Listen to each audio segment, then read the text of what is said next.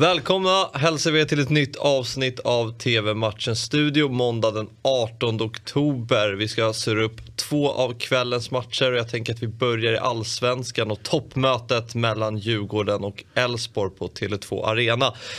Det är ju den första hemmamatchen Djurgården har med eh, full kapacitet eh, och mm. det väntas komma närmare 20 000 åskådare. En mm. viktig boost inför en sån här viktig match. Ja, då har man ju det klassiska snacket om att Elfsborg alltid har svårt i Stockholm. Mm. Och sen har det väl hänt någon gång att de inte har haft det. Men rent generellt så snackas det ju om det i i Stockholm helt enkelt att Elfsborg inte är så vassa när de väl kommer hit. Eh, och häftig krydda då såklart eftersom det blev det resultatet det blev mm. mellan Hammarby och AIK. Så att eh, det verkar ju lite farligt för Djurgården här, det vill säga det är en match som Djurgården bara ska vinna. Mm. Eh, vi får väl se. Och lite för Elfsborg också som egentligen behöver också vinna, eller de behöver nästan mer vinna än Djurgården mm. med tanke på tabelläget. De ligger fem poäng efter.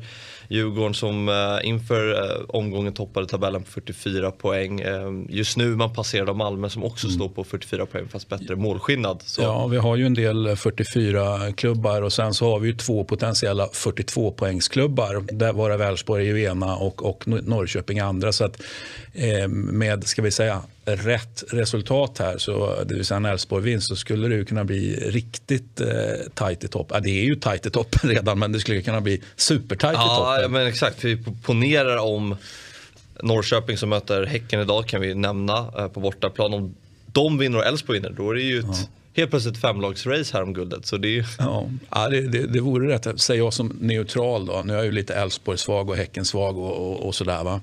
håller på lagen från landet, så är det ju. Eh, men, eh, men jag känner mig ändå att jag är neutral när det kommer till svensk fotboll. Och, som neutral så skulle jag tycka att det var ett väldigt häftigt femlagsrace.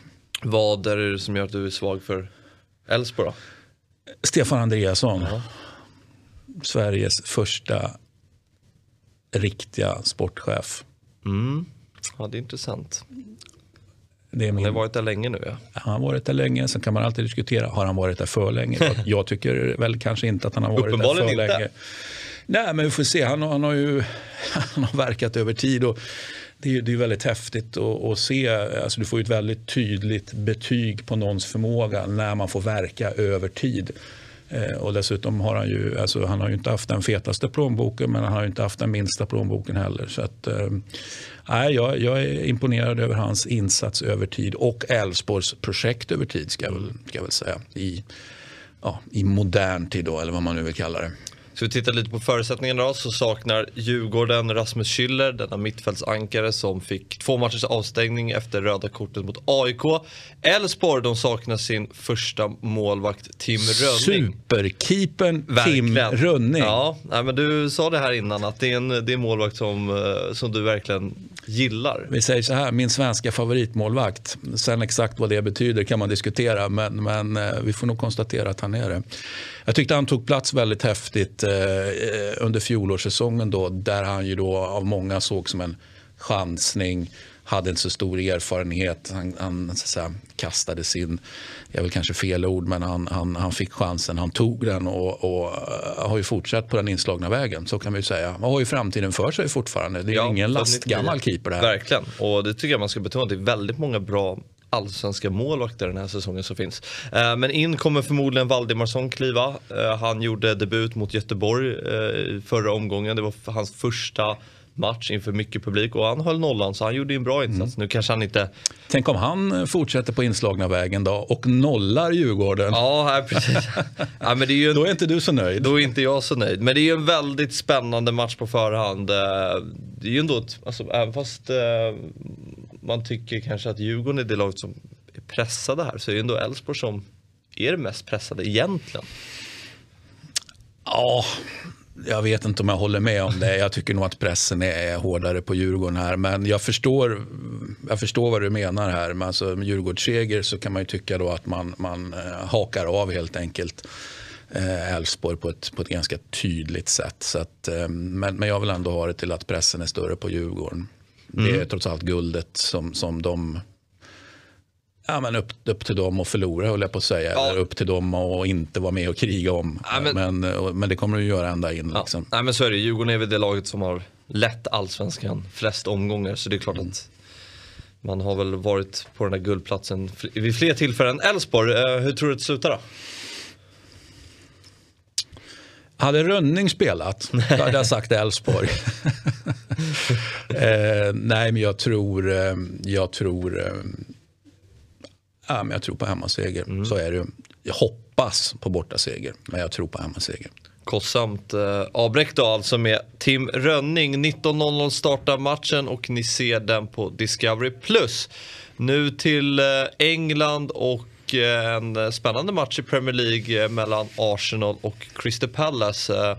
Generellt tycker jag att Premier League-matcher genast blir hetare för att det spelas på måndagar. Jag älskar måndagsmatcher. I... Mm, ja, jag är svag för måndagsmatcher också. Det Italien brukar också eh, ha en måndagsmatch liksom, så det, det, är gott om fotboll på, på måndagskvällar. Mm. Och det är Arsenal som tar emot Crystal Palace, London Derby.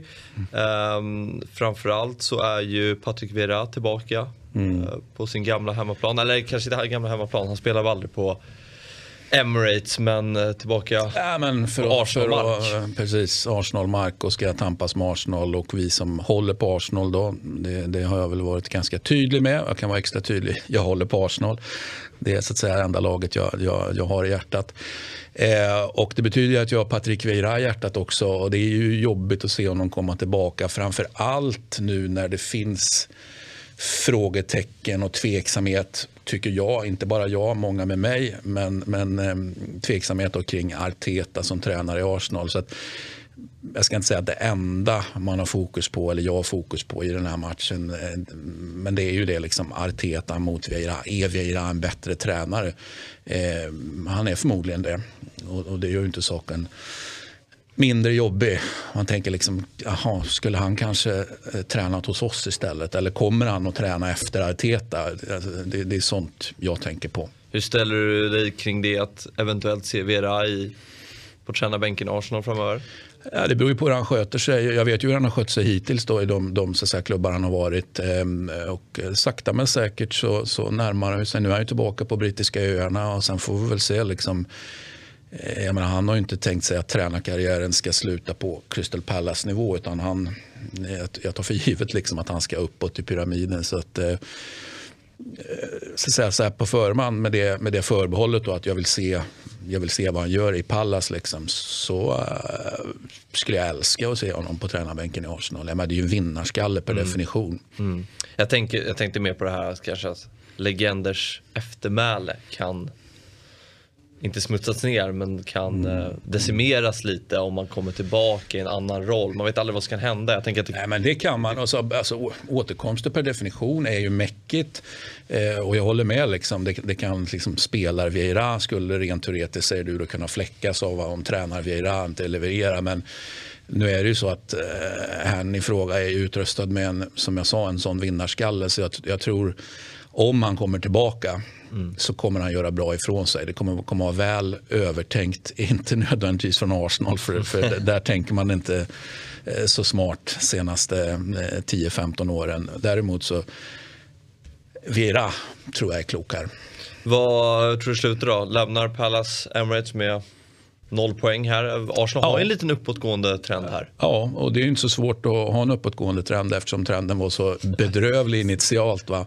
Men jag tror på hemmaseger. Stark uppåtgående trend då, om jag säger så? Ja, men, men jag, jag, är, jag, är, jag är en försiktig general. Va? Men jag tror på hemmaseger, det gör jag. Mm. Matchen eh, startar 21.00 och ni ser den på Viasat Premium. Det var allt för idag. TV-matchens studio är tillbaka imorgon igen. Tack och hej!